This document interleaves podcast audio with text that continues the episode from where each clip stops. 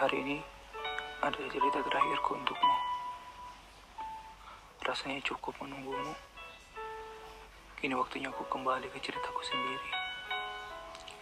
Cerita yang akan aku tulis.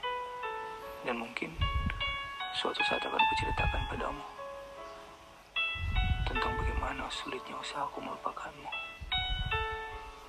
Kamu mungkin mudah saja menghapusku dari ceritamu. Tidaklah masalah buatku. Aku tidak menyesal mencintaimu. Walau nyatanya, kamu tak bisa aku miliki.